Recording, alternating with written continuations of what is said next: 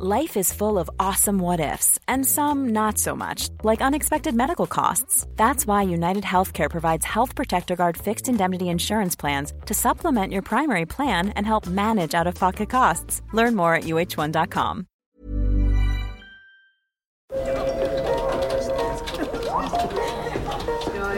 Dette er lyden av norsk næringsliv. Akkurat nå tas det små og store valg som kan bli avgjørende for fremtiden. Med økonomisystemet X-Leger tas disse beslutningene basert på informasjon i sanntid, slik at drømmer og ambisjoner kan bli virkelighet. Få kontroll og oversikt, gå inn på xledger.no.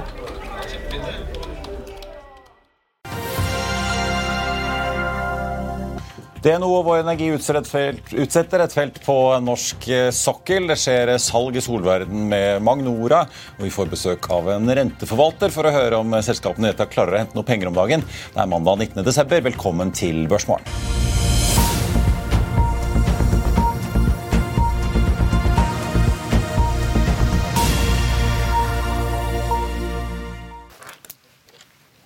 En riktig god morgen alle sammen, og velkommen til oss her i Finansavisen. Mitt navn er Marius Lorentzen. Med meg har jeg aksjekommentator Karl Johan Målnes på denne siste børsuken før julaften. Vi skal få med oss Magnus Wie Sundal i Borea Asset Management straks. Vi må titte litt på markedene og nyhetene som har kommet nå på morgenkvisten. Hovedindeksen endte jo ned 1,2 da på fredag. Nordnett uh, venter at vi kan få en uh, får vi si, litt så flat start fra start i dag. Futuresene peker opp da rundt 0,1% hvis vi ser på de europeiske sånn jevnt over. Og oljeprisen ligger jo på rett under 80 dollar fatet. 79,43 i spotmarkedet. Det er opp da 0,3 fra den sluttkursen vi så på fredag.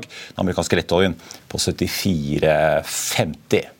Og Biotekselskapet Nyco Therapeutics har inngått et strategisk eh, partnerskap med Richter Helm Biologics for levering av plasmid-DNA for selskapets heleide og partnerskapsproduktportefølje. Nyco melder også at forretningsdirektør og medgründer Agnete Fredriksen har utøvd rettigheter på 3,8 millioner aksjer til en kurs på 1,77 hun eh, selger to millioner aksjer til Rasmussen-gruppen til kurs 31,60, som også var fredagens sluttkurs. Både Nycod og de andre biotekselskapene på Oslo Børs har jo hatt en mildt sagt krevende tid på eh, børsen i eh, år. Så får vi ta med noen energinyheter. Hydro Eviny, altså tidligere BKK, og Sefir går sammen for å utrede et vindkraftprosjekt i et område mellom Høyanger og Sunnfjord.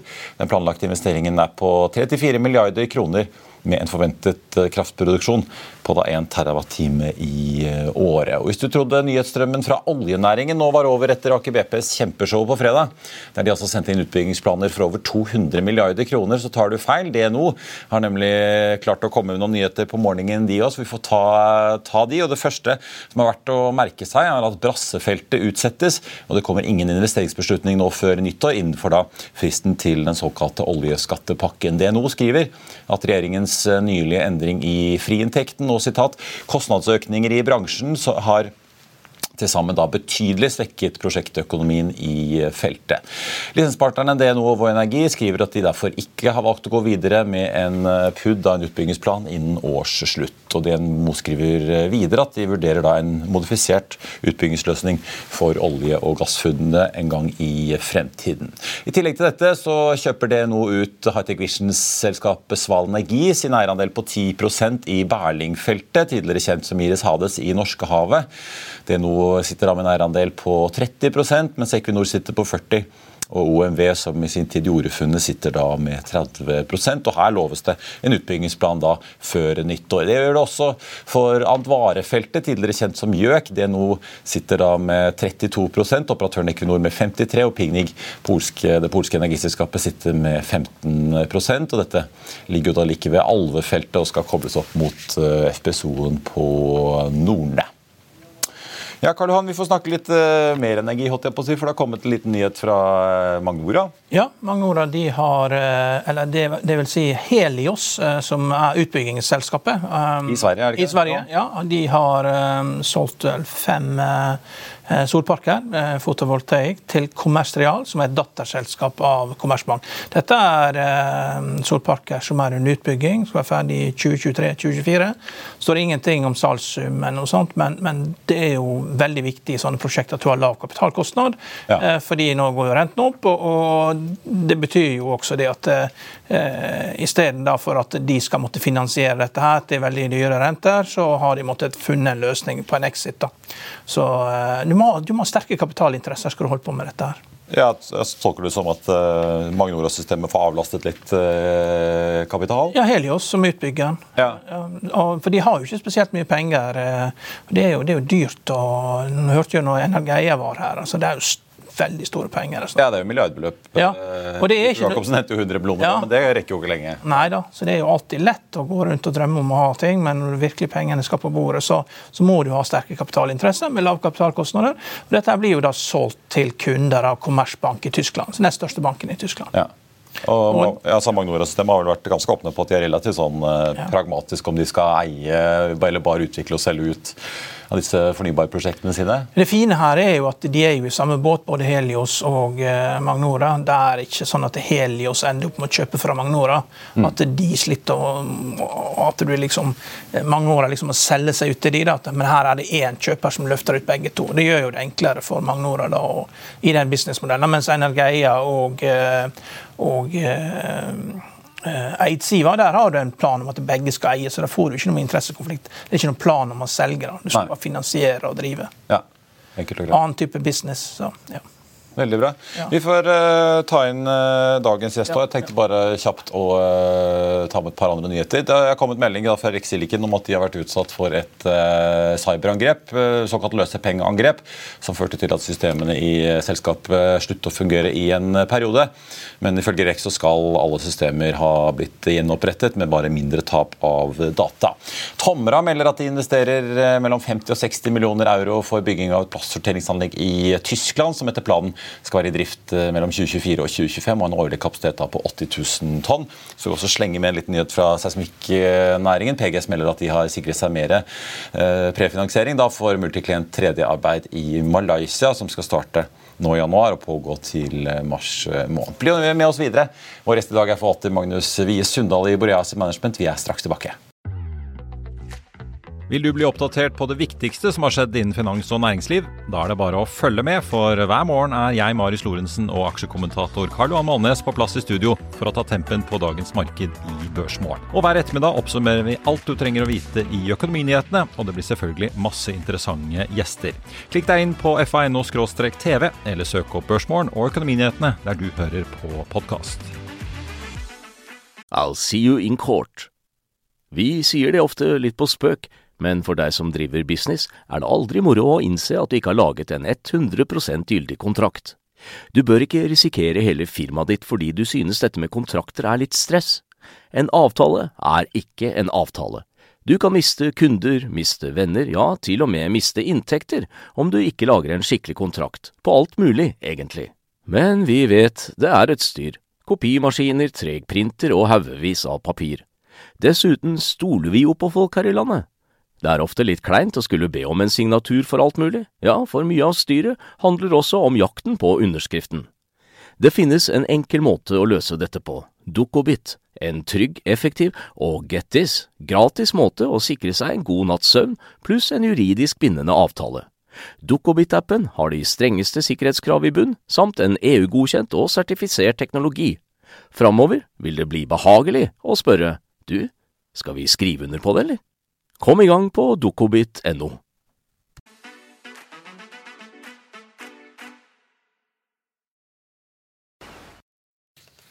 Velkommen tilbake. Bare en kjapp titt på de, noen av de aksjene vi har snakket om i dag. Magnor er opp 2,5 på nyheten om at deres statsselskap eller porteføljeselskap får vi si, Helios da, har solgt unna litt uh, solinvesteringer i uh, Sverige.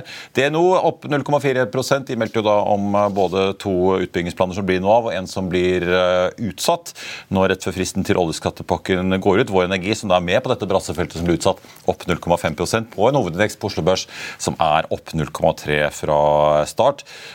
Får vi si da også med litt drahjelp fra oljeprisen, som er svakt i pluss i dag og ligger og snuser på 80 dollar fatet. Da skal vi ta med dagens gjest, som vi har med oss fra Bergen. Magnus Wie Sundal i Boreas Management, god morgen og velkommen. God morgen. God morgen. Mange som er finansinteressert, vil jo sikkert kjenne deg igjen fra Twitter. Men kan ikke du fortelle Borea, hvem er det? Borea er vi elleve mennesker som sitter i Bergen. Eh, vi er et eh, investeringsselskap som er eid delvis av Trond Moen, Riiber Riber og Sønn og Morten Ulstein fra Ulsteinvik. Og de ansatte sjøl. Og vi har fem fond, der fire er spesialfond. Eller noe vi kaller hedgefond. Vi investerer i hovedsak i høyrenteobligasjoner og i bankverden. Det er jo eh, interessant å ha deg, fordi at uh, vi opplever Karl Johan, at det er jo mange selskaper nå som ikke bare tredes gjelden deres veldig høyt, men det er jo mange som rett og slett er helt åpne på at de sliter med å få finansiering i gjeldsmarkedet? Ja, helt klart. Uh, men eh, vi, skal vi snakke litt så generelt, hva er det Før vi graver oss ned i eh, bank- og finansfondet som du sitter med, Magnus, kan vi snakke litt om, om liksom dette markedet generelt nå? Hvordan ser det ut? Er det sånn at det er mange som er ute og, penger, og henter penger, eller har det stoppet mye opp pga. det høye rentenivået som folk da ble møtt med i, i obligasjonsdøren, for å si det sånn? Ja, det, det er litt sånn Markedet er vel der alltid hvis prisen er rett, men, men hva investoren vil ha, hva selskapene er villige til å betale, det, det, er jo, det er jo et annet spørsmål. Eh, så det vi har sett i år, er jo f.eks. i høyrentemarkedet så det er emittert ca. 70 milliarder kroner i nye, nye, lån. Samtidig så er det betalt tilbake eller kålet eller ja, 150 eh, milliarder sånn cirka. Så netto så har jo markedet krympet med en 70-80 milliarder her. Eh, og det er et marked på 500 milliarder. Så det er jo en betydelig nedgang i utestående volum. da.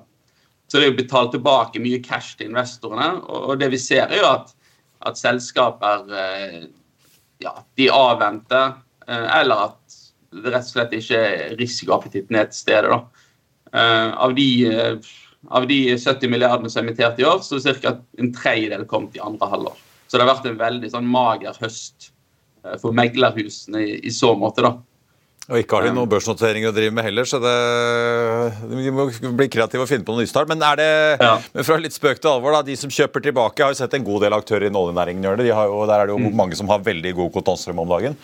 Mm. Men eh, hva ser du, er det litt sånn bredt anlagt fordi folk vil prøve å få ned gjelden sin, eller er det enkelte næringer som peker seg ut? Uh, nei, som du, som du, nevner, Oljenæringen er jo, er jo en spesiell næring. Sant? Der er det jo veldig god kontantstrøm.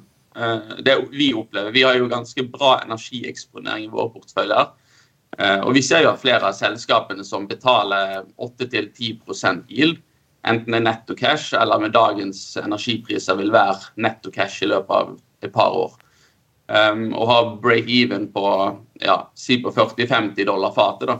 Så, så det, det, er cases der ute som, som betaler veldig bra, uh, og samtidig uh, klarer å returnere returnere cash og, og, og, gir oss trygghet på at det, det blir lite sånn stranded assets-problematikk. da, eh, Hvis en klarer å holde på cashen og ikke gjøre noe dumt i løpet av de, de neste årene.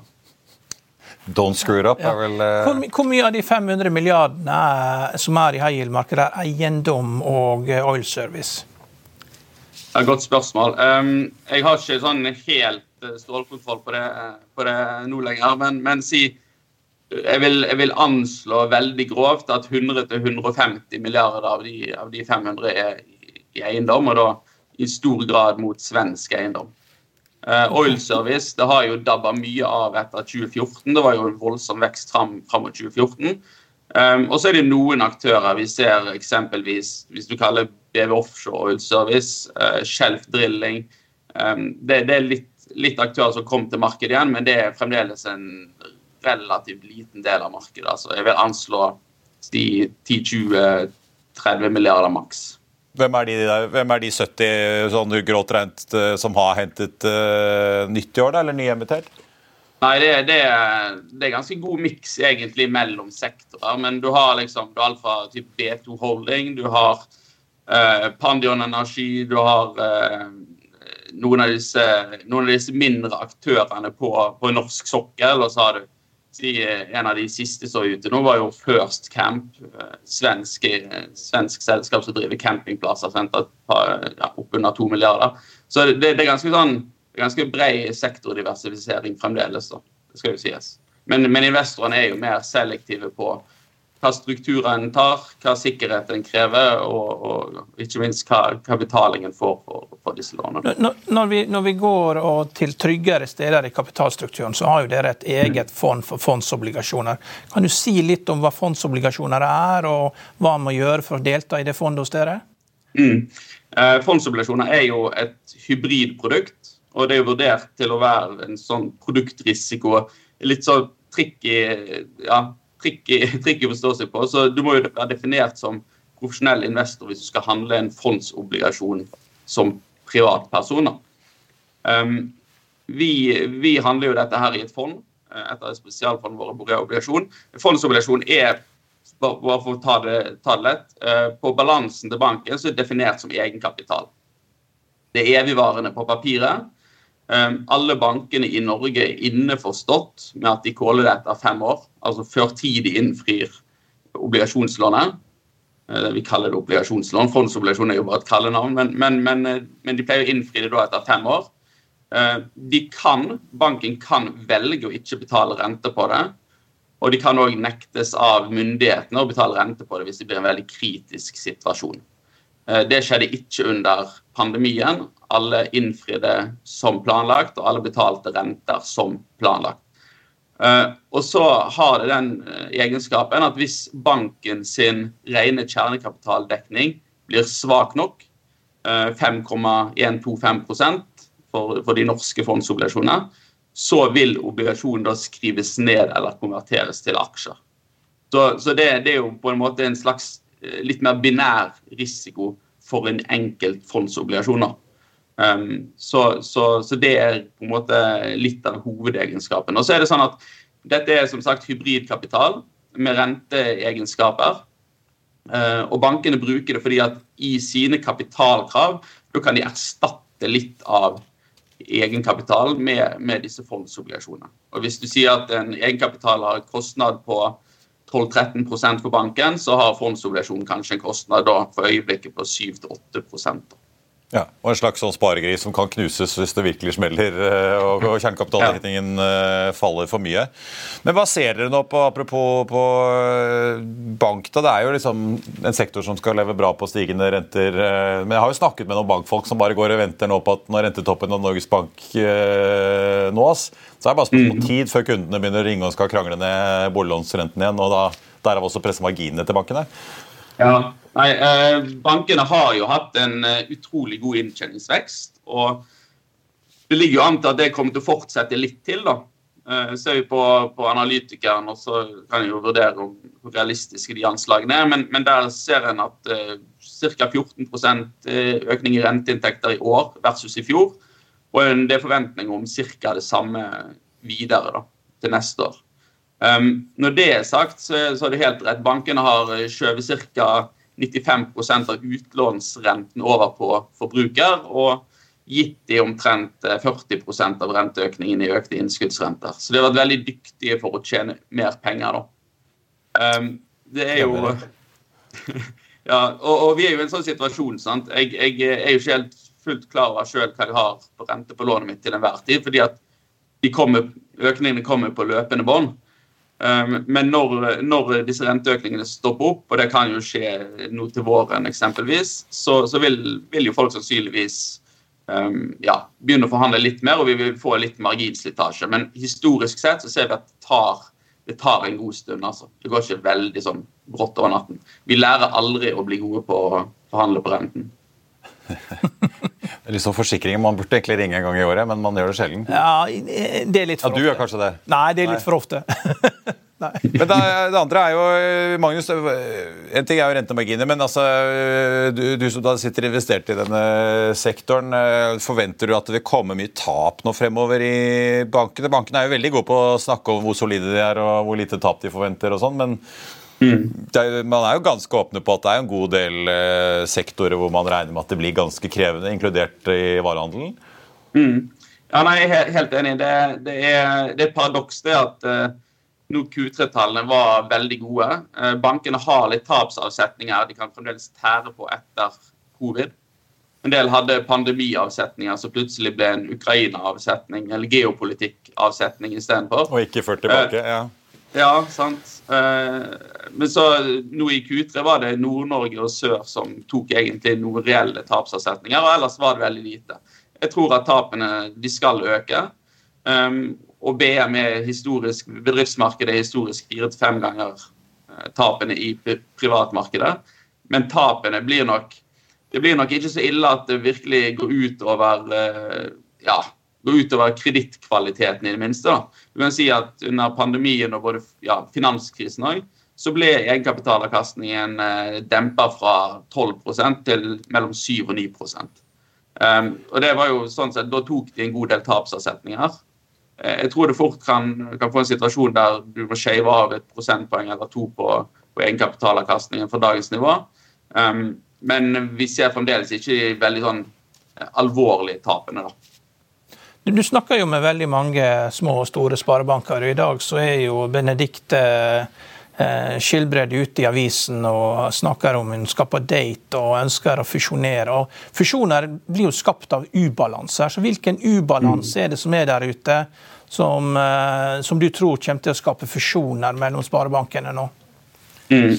Ja, vi ser, så f.eks. Eh, DNB og S-banken. Det, det var jo skapt av at DNB kunne benytte seg av IRB intern rate, uh, rating-based approach-modellen. Uh, Altså de får lavere kapitalkrav på de, på de uh, lånene de da kjøper fra, fra S-banken.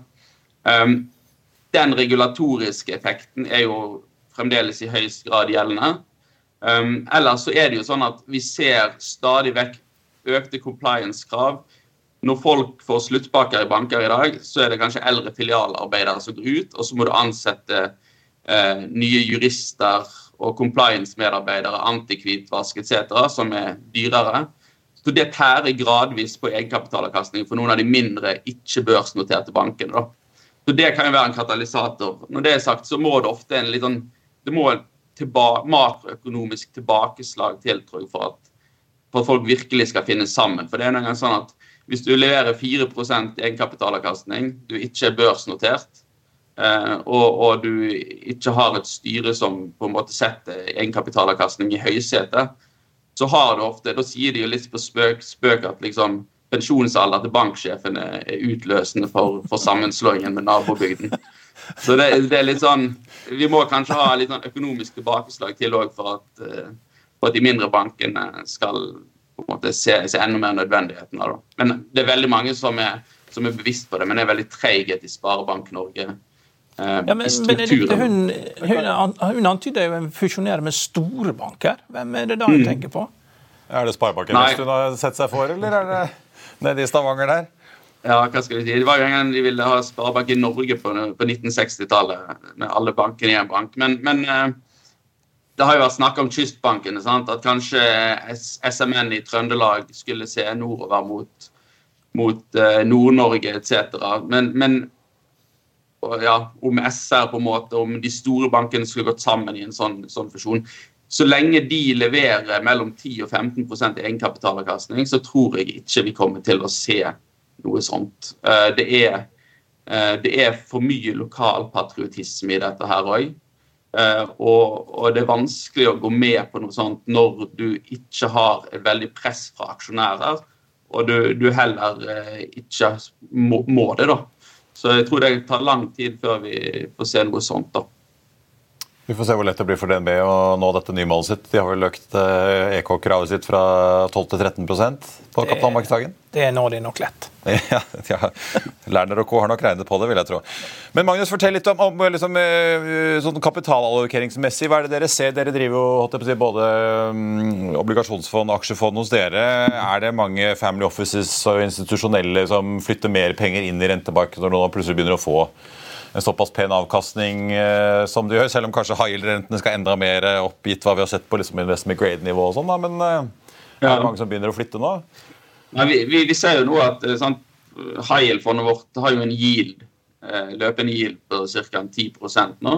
Eh, fondsobligasjoner der har vi ligget på rundt 8 Der er vi nok litt nærmere 7 nå med rentefallet i det siste. og og litt, i, nei, litt nedgang i kredittspreader. Men, men, vi ser spesielt på fondsobligasjoner så er det mye mer interesse fra um, både aksjefolk og ja, family offices som, og, og, folk i finansbransjen generelt. Merker mye mer interesse òg fra de som virkelig sitter nede i grøten her, da, som ser på en måte risikoen i, i, forhold til avkastning. For i mange tilfeller så er dette et slags trippel B, lav, lav investment grade-produkt um, som, som, gir 7-8% avkastning. Så du føler liksom at de litt mer profesjonelle begynner å titte mer på dette her.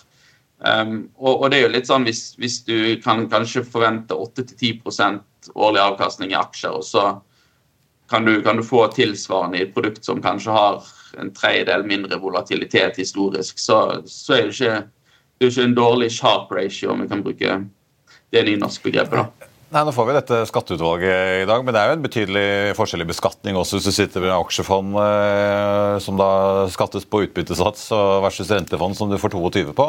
Ja, og skal disse aksjefondene levere en god del bedre òg? Men, men, dette blir vel brukt av bankene til å vokse. ikke sant? Det er vel derfor de tar inn fondsobligasjoner. Det er vel ikke så mye vekst de trenger å finansiere nå, er det det? da? Nei, det, eller det kommer, det kommer jo sannsynligvis til å bli litt mindre eh, vekst fremover. da. Ehm, men, men, men fondsobligasjoner blir jo i hovedsak brukt som et substitutt. Ehm, hvis du får myndighetskrav om at du må holde så og så mye egenkapital, men du får bytte ut så mange milliarder av dem med, med fondsobligasjoner. Ehm, da blir de i hovedsak brukt eh, som et substitutt for den egenkapitalen, sånn at du kan heller betale ut egenkapital Eh, i utbytter og tilbakekjøp ligger med litt tynnere egenkapital av base, heller få en høyere forrentning på den, på den egenkapitalen. Så, så, jeg tror nok at uh, Sparebanken og, og, og, DNB for så vidt også, kommer nok til å ligge nær makskvoten sin på hva de kan ha i fondsobligasjoner. Uh, uavhengig egentlig av, av, av veksten, da. Ja. Mm. Mm. Vi får se om det kommer noen uh, M&A-nyheter fra ja. Skilbred Fastmer i ja. Stavanger fremover. Ja. Kanskje Kjerpeseth i Bergen klinker til, han òg. Nå er vi veldig interne på banknæringen her, da, men uh, likevel. Du, Magnus Wie Sundal, tusen takk for at du var med oss eh, fra selvfølgelig da Bergen. Ha en riktig god jul når den tid kommer. Takk sammen. Jeg tenkte vi må ta med før vi går til reklame at Elkem har kommet med en melding om at de midlertidig stenger ned to ovner i Norge da, eh, ved starten av første kvartal. Selskapet peker da på at høye kraftpriser eh, får dem til å gjøre dette her. Midlertidige reduksjoner i produksjonen eh, kan jo da brukes til at de da får solgt denne kraften videre til andre verk. Det har vi jo for så vidt sett Hydro gjøre også, der de har kuttet litt ned på de anleggene som er mest eksponert da mot spotmarkedet. Elkem-aksjen er opp en, en, halv prosent nesten i eh, dag. Hovedveksten eh, ligger nå skal vi ta en kjapt titt, 0,6% Vi er straks tilbake rett etter dette. Dette er lyden av norsk næringsliv. Akkurat nå tas det små og store valg som kan bli avgjørende for fremtiden. Med økonomisystemet X-Leger tas disse beslutningene basert på informasjon i sanntid, slik at drømmer og ambisjoner kan bli virkelighet. Få kontroll og oversikt. Gå inn på xledger.no. Velkommen tilbake. Jeg tenkte Vi skulle bare vise et bilde her som vi hentet fra selvfølgelig da, Twitter med Elon Musk, Karl Johan, som eh, har vært ute og lagt ut som vi ser på skjermen her, en avstemning om sin egen jobb. Det er ikke så verst om man skal fortsette eller ikke i jobben som Twitter-sjef. får vi si. Jeg hadde, ja. Når du kom og fortalte dette, her, så tenkte jeg kanskje oi, har han lagt ut avstemning om han skal fortsette som sjef i Tesla? Da begynner å skje ting, eller SpaceX? Ja, nei, Avstemninga går visst ut eh, klokken tolv norsk tid. Klokken seks i USA. Det er nå SMP Futures åpna. Sånn som det lå an før vi gikk i studio, så var det vel 54% som ville han skulle slutte. og 46% og det var nesten 20 millioner som allerede hadde stemt. Så. Ja, Det er jo helt vanvittig å få sånne ja. tall, men det er jo, han får vel nesten være glad for at dette ikke er et eh, børsnotert selskap han driver og kjører avstemninger ja. på. For da han sist uh, snakket om at han hadde fått uh, tilbud på å ta Tesla privat for noen år siden, så smalt det fra SSE, og han fikk bot. Men han sier jo også det at uh, det handler jo om å få noen som kan berge Twitter. Han, ja. han skjønner jo at han har problemer. Men uh, jeg tror nok, nå har han jo vært på fotballfinale i uh, Qatar sammen med Jard Kushner. Ja. Og Kushner fikk jo to milliarder kroner av Saudi-Arabia. Det er ingen som vet hva han fikk de pengene for. Uh, så, til, som, for å putte inn i fondet sitt. da. Ja. Så det, de har gode kontakter, og uh, penger er det nok av i Saudi-Arabia. Ja, Kona Ivanka har distansert seg fra faren i spørsmålet spørsmål om hun vil støtte en ny presidentkampanje. så Jared og Ivanka har kanskje lagt en ny plan for seg selv? Ja, Trump har jo solgt NFT-er for fem millioner dollar. Han. Nei, men det er, det er alvor, dette her. Altså. Det, det, er klart det er ikke positivt for Tesla-aksjen, dette her, fordi han han vil sannsynligvis selge mer Tesla-aksjer. Med en gang den avstemningen er over, så kommer det en ny ladning med Tesla-aksjer som han skal ut av. Så det blir nok solgt mer i dag. Ja. Ja, for han, altså, det var jo Her om dagen så det jo, kom det jo frem i rapporteringa at han hadde solgt unna aksjer for 3,6 milliarder dollar i Tesla. Han har solgt for 40 milliarder dollar det siste året. og Det er like mye penger som Tesla henta inn i alle emisjonene. Ja. Så eh, det er Tesla spesielt. Det er markedsverdi igjen, men den aksjen den er jo på sitt laveste på over to år nå, eh, Tesla? Ja, ja. mer enn halvert seg. Gode biler, men aksjen har vært altfor dyr altfor lenge. så... Tror du det er mest for å, si, redde, redde Twitter-investering istedenfor at han får ut masse penger hele tiden? At markedet krever at han. Jeg vet ikke hvordan han tenker. Det er, det er veldig farlig. Det kan jo være når kursen i Tesla begynner å tikke nedover, at bankene begynner å kreve at han selger unna for å ja, det er jo det de gjør. Det, det, er jo det de gjør, fordi de, de, tok jo 13 milliarder dollar i finansiering på Twitter. Og eh, det var jo meningen du skulle selge ut til kunder, da. men det, det markedet har jo stoppa opp. Mm. Så alle som går og har planer, liksom, og fancy investeringsplaner der investeringsbanker skal selge videre, det, det, er ikke så lett. Og Da måtte han vel selge de for nesten 4 milliarder for å få ned renten på de lånene. Som er margin call, rett og slett. Ja. Så uh, du kan altså gå fra å være verdens rikeste mann til å tape alt. Uh, det har jo skjedd før. Jeg hadde jo noen brasilianske jeg vet en Eike Batistuta han var vel stein stein rik, hadde ti-tolv selskaper i forrige boom. og eh, det er kort vei fra Kapitol til den tarpeiske klippe når du gambler. Altså Hvis du hele tida gambler uh, gården din på hver eneste pott du spiller, så er du nødt til å tape. Han må jo skjønne det at han må styre dette. her. Han kan ikke bare gamble. Og, Twitter er jo helt meningsløst. Bruker 40 milliarder dollar og så setter selskapet sånn over styr som man gjør. Alle annonsørene stikker og selskap som allerede, allerede har problemer. Ja. Du mister jo 50% av inntektene dine. Det er jo katastrofe. ikke sant? Så er det SpaceX da, med masse kontrakter med amerikanske myndigheter og skyter opp raketter alt det på seg flere ganger i uken omtrent. Jo da. Nei, men det, Han er god på å lande, men eh, det kan godt hende det blir med mye mindre penger. Ja, det kan være. Som uh, Virgin-gründeren, vet du. Ja. Han skulle begynne flyselskap. Ja. Så forsvant det litt penger på veien. Ja. Veldig bra. Takk skal du ha, eh, Karl Johan. Eh, jeg tenkte vi også må få med en liten uh, analytikeroppdatering. Sparebanken Markets har regnet litt på i BP.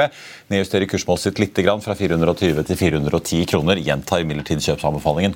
Den aksjen endte da fredag på 301,50. Ligger opp litt nå til 302,60. Det er noe som sammen med Vår Energi da utsetter Brassefeltet. Begge de ligger opp en, rundt halvprosenten i dag. Magnora, som gjennom sitt porteføljeselskap Helios selger unna litt solparker, opp 3,5% Og så har vi Elkem, da, som kutter litt av produksjonen sin for å eh, frigjøre strøm som de kan eh, selge videre i spotmarkedet, ser det ut som. Opp da 0,2% på en hovedindeks Oslo Børs som har klatret enda litt videre ligger nå opp 0,6 eh, Oljeprisen har snudd litt ned igjen. 78,70 ligger vi på nå, spotmarkedet for nordsjøoljen. 74,50 på den amerikanske lettoljen. På listen over de mest omsatte aksjene ellers, verdt å merke seg MPC Container ligger på en fjerdeplass, ned litt over 2 så har vi Norske Skog, gjør det også bra i dag. Ingen meldinger fra selskapet. Den aksjen er opp 5,5% og ligger godt inne på topplisten over de mest omsatte aksjene. Og Det var børsmålen for denne mandag 19.12. Husk å få med deg økonominyhetene klokken 14.30. Jeg nevnte jo skatteutvalget. Vi får besøk av skatteadvokat Bettina Banon, som har sittet i utvalget, som skal fortelle oss om anbefalingene de da kommer med, som eh, selvfølgelig da vil kunne påvirke skattebelastningen for både næringsliv og investorer i årene fremover, litt avhengig av hva politikerne blir enige om eh, til slutt. Så det er absolutt verdt å få med seg klokken 14.30. altså. I mellomtiden så får du sist nytt på FA.no gjennom hele dagen. Ha en riktig god børsdag alle sammen. Takk for nå.